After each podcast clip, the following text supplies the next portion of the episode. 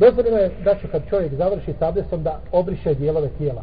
Da obriše dijelove tijela, a hadise o brištanju dijelova tijela prenosi Ebu Bekr i Muaz i Ajša i Selman i Enes i drugi.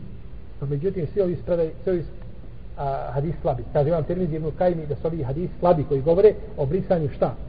Dijelova tijela poslije abdesta. Kaže tri pravne škole smatraju da dozvoljeno šafije kažu da nije. Ali ispravno mišljenje Hanefija i Malikija i Hanbelija. Ša, šafije uzeli braći argument hadisu kome poslanik sa osvijem kaže. Kada čovjek kaže pere abdes, sa zadnjom kapi vode koja pada sa brade spadaju grijesi sa lica. I kada opere ruke sa zadnjim kapima vode koji padaju sa ruku spadaju grijesi tako je s nogu. Pa kaže ako osušiš neće spadati šta? Ako presušiš neće spadati grijesi to ima svoje mjesto tako? To je razumijevanje. No međutim a, nije se time mislo Allah ne bude zna da kap ako padne oprošteno ako ne padne.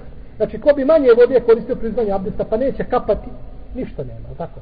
Ne, ne bi baš moglo proći jer je Allah poslanik znači koristio u hadisu Ebu Dauda da je pravo dijelove tijela kaže se da ni kap vode ne pala na zemlju. Onda znači nije šta? Nije oprošteno. A jeste cilj je ovdje znači pranjem da se kaže da pranjem da spadaju kako period da tako spadaju šta? Grijesi. Međutim šafijski učenjaci imali svoj pogled i svoje razumijevanje ovih hadisa.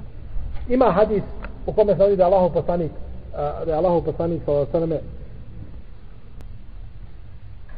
ogusilio se, se kupao, pa da mu je donijela, da mu je donijela majka vjernika, Mejmuna, da se po, pobriše, presuši sa jednim ručnikom, da ga nazovemo, pa je odbio, pa nije htio. Ukazalo ovo na zabranu. Ne. Zato što je šta? Post. I opet isto. Znači, kaže, tako da je čovjeku dozvoljeno, a ako ostavi da ne briše, možda bi moglo biti preče. Allah ne gleda svakom slučaju nije to znači pitanje od vitalne važnosti, iako je u vjeri sve važno.